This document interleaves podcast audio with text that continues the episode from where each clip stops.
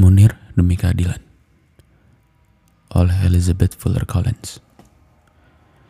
Jangan pernah sangsi bahwa sekelompok kecil orang yang berpikir dan berkomitmen bisa mengubah dunia. Bahkan, itulah yang senantiasa terjadi. Margaret Mead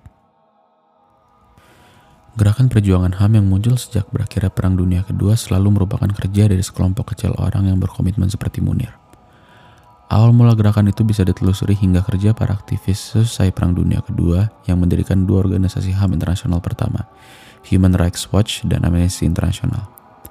Selama 50 tahun terakhir ini, di berbagai negara kelompok-kelompok kecil dari individu-individu yang gagah berani mendirikan organisasi-organisasi nasional maupun lokal untuk memperjuangkan HAM.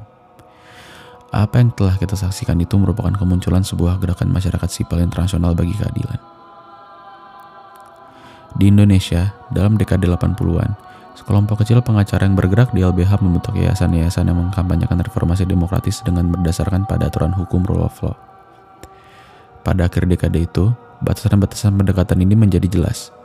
Rule of law dipergunakan oleh negara untuk menekan sikap kritis dan penentangan terhadap proyek-proyeknya. LBH mulai bekerja bersama-sama mahasiswa dan aktivis LSM, reporter dan organisator buruh yang memberikan edukasi HAM dan membantu rakyat untuk mengorganisasikan aksi kolektif.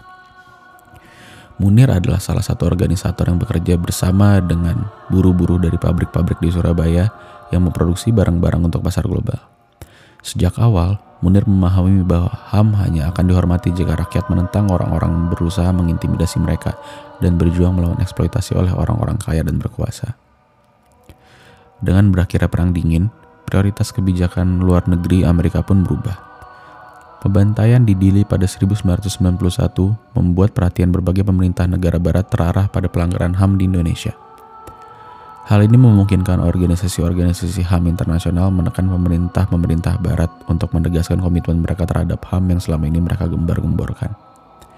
Amnesty International dan Human Rights Watch Asia bekerja bersama dengan aktivis-aktivis Indonesia seperti Munir untuk memproduksi berbagai laporan penting yang mendokumentasikan pelanggaran-pelanggaran HAM di Indonesia. Namun, pemerintah-pemerintah barat dan organisasi-organisasi internasional yang mereka dirikan World Bank dan International Monetary Fund mendukung isu HAM jika tidak konflik dengan kepentingan ekonomi dan keamanan dari kekuasaan barat. Di Indonesia, World Bank membantu proyek-proyek pembangunan dengan hanya memberikan sedikit perhatian terhadap pengimplementasian pemerintah atas proyek-proyek ini dalam hubungannya dengan pelanggaran HAM atau dampaknya terhadap lingkungan. Pemerintah AS menolak menangguhkan Generalized System of Preference bagi penurunan tarif impor untuk Indonesia meskipun pemerintah RI menekan perserikatan-perserikatan independen dan gagal mengimplementasikan jaminan hak-hak tenaga kerja. Munir memahami bahwa perjuangan bagi HAM dan keadilan ekonomi harus dijalankan oleh para aktivis yang bekerja di level lokal.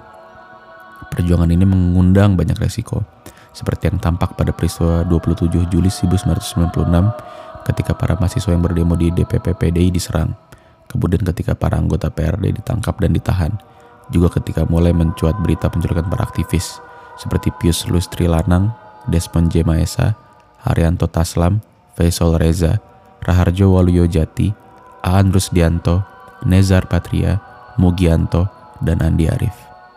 Sebagai koordinator kontras, Munir juga menjadi target.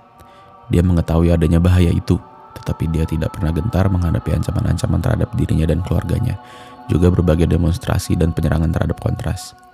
Di bawah kepemimpinannya, Kontras bergerak untuk memastikan bahwa pemerintah dan militer Indonesia tidak dapat bertindak dengan impunitas terhadap para aktivis lokal dan buruh serta petani yang berdemonstrasi.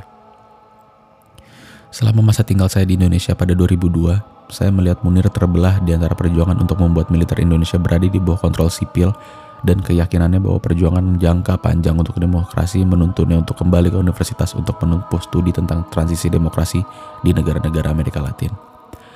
Hanya saja tidak ada cukup waktu baginya untuk mengerjakan semua yang seharusnya dia kerjakan, sehingga Munir memutuskan untuk meneruskan perjuangan. Ketika akhirnya Munir bisa mengalihkan perhatiannya untuk memikirkan masa depan Indonesia, stres yang dialaminya selama perjuangan panjang bagi Ham telah sangat menggoresi kesehatannya. Ia pun wafat, meninggalkan tugas-tugasnya untuk diteruskan orang lain.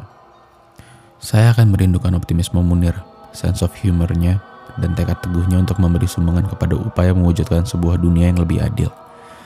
Menurut saya, para pahlawan dari abad ke-21 adalah individu-individu yang berhasil menemukan cara untuk menggerakkan perjuangan tanpa kekerasan melawan ketidakadilan dan penyalahgunaan kekuasaan. Contoh orang-orang ini adalah Gandhi, Martin Luther King, Nelson Mandela, dan Mahmud Muhammad Tala. Nama-nama aktivis reformasi bisa ditambahkan dalam daftar ini. Tentunya nama Munir tidak boleh ditinggalkan.